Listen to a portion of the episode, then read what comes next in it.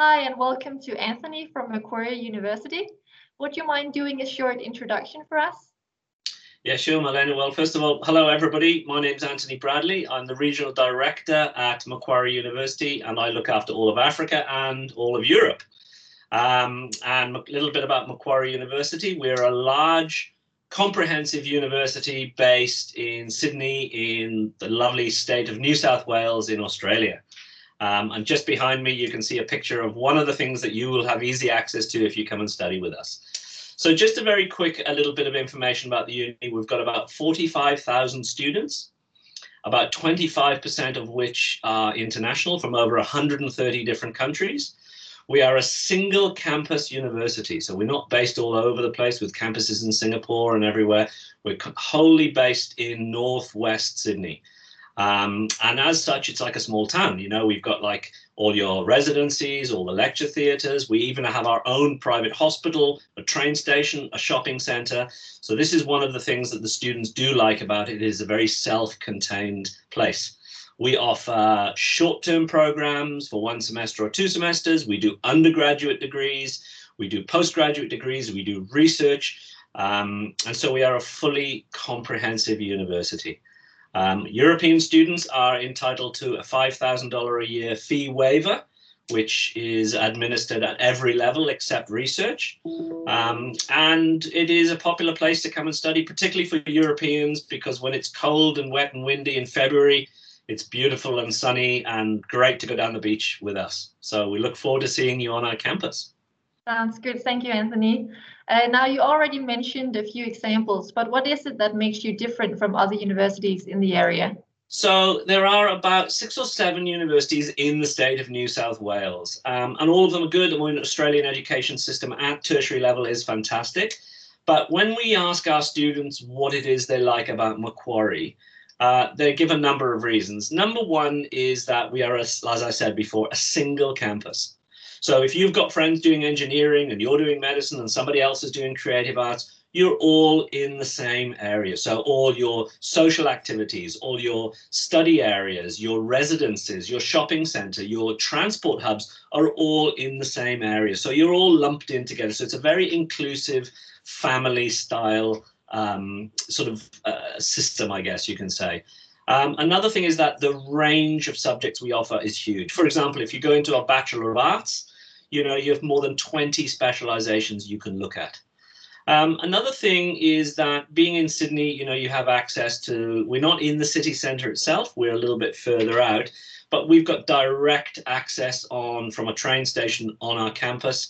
So that gives you the best of both worlds. You have access to the vibrant, funky vibe of Sydney, but you're also based a little bit further out. So I guess in a nutshell, those would be the aspects that our students like best. Sounds good. And what would you say are the advantages of studying in a big city like Sydney? Mm, yeah, excellent question. I mean, look, a big city is not for everybody. It's a choice. Um, Sydney is not the capital of Australia, as you all know. It is, it's, but it is the biggest city. So that means you've got about five and a half million people. Australia is a big country, so you know you've got lots of space. So even though the downtown is kind of crowded, um, it is quite spread out, at the actual city itself. But in terms of the advantage of being in Sydney, it's where the jobs are. So students that want access to post-study jobs, that's where you'll find them. You've got a downtown area that is very vibrant, very fast moving, very, very multicultural. Um, so you get a bit of everything. You'll get the multicultural aspect to it. You'll get the opportunities to find work.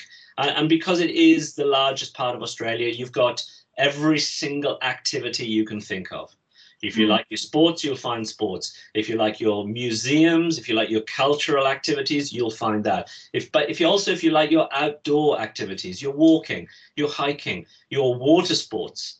You know, it's a it's a harbour city, so you've got your calm harbour water, you've got your surfing beaches, um, you've got your barbecue areas, your outdoor cinemas. So I guess if you're a, sort of a, a youngish student looking for a vibrant and active lifestyle in Sydney is a fantastic place. Cool. Now you mentioned some of the things that the students can do in their spare time. What yeah. if they're on campus? Do you have any clubs or sports that they can attend? So we've got pretty much every single club and association you can possibly imagine. I mean, Australia is a, a country that people invest a lot of time into pastimes and hobbies and out of office and out of study activities. And that's what we mm-hmm. always recommend students to do is that, you know, when your pen goes down at the end of the day, you should join a club, whether it's a sports club, whether it's a debating club, whether it's a Bible club, whether it is uh, an association of stock, you know, stockbroking. There are lots and lots of different associations that they can join, and they can do that during when they first when they first arrive in, uh, in Macquarie University. That first week, I know this is probably your next question.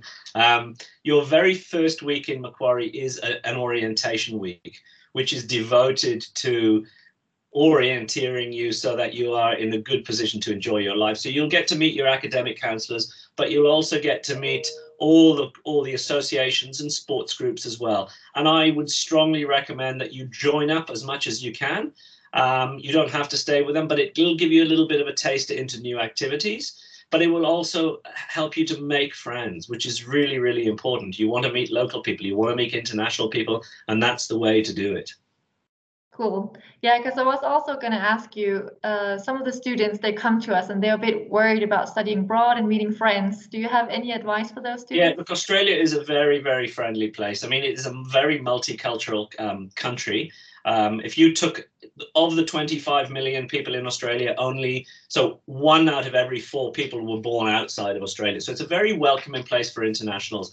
I, I would definitely not be too worried about making friends. If you join an association, you join a group, and if you are a sort of outgoing type of person, you'll have absolutely no problem in Australia, and particularly in a place like Sydney, uh, in finding things to do. Sounds good. And then in regards to study fields, do you have any that Macquarie is most famous for or that you courses that you are more into? Well, I mean, it's again, this boils down to the student. If you uh, if you like your arts, our Bachelor's of Arts is has an very, very impressive array of specializations. If you like your sciences, again, our Bachelor of Science has a wide range of specializations. But in more niche areas, I guess areas that are very popular are things like engineering, uh, IT, um, computer science, data science. Those are your science-based things. And on the other side, you know, we have a huge range of business programs, commerce, finance, resource management, um, yeah, management, um, you know, business analytics.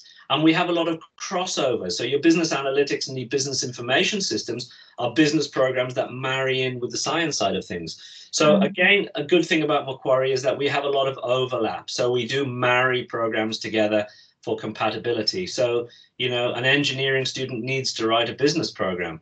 A business person needs to know how to analyze data information. So there's a lot of crossover availability.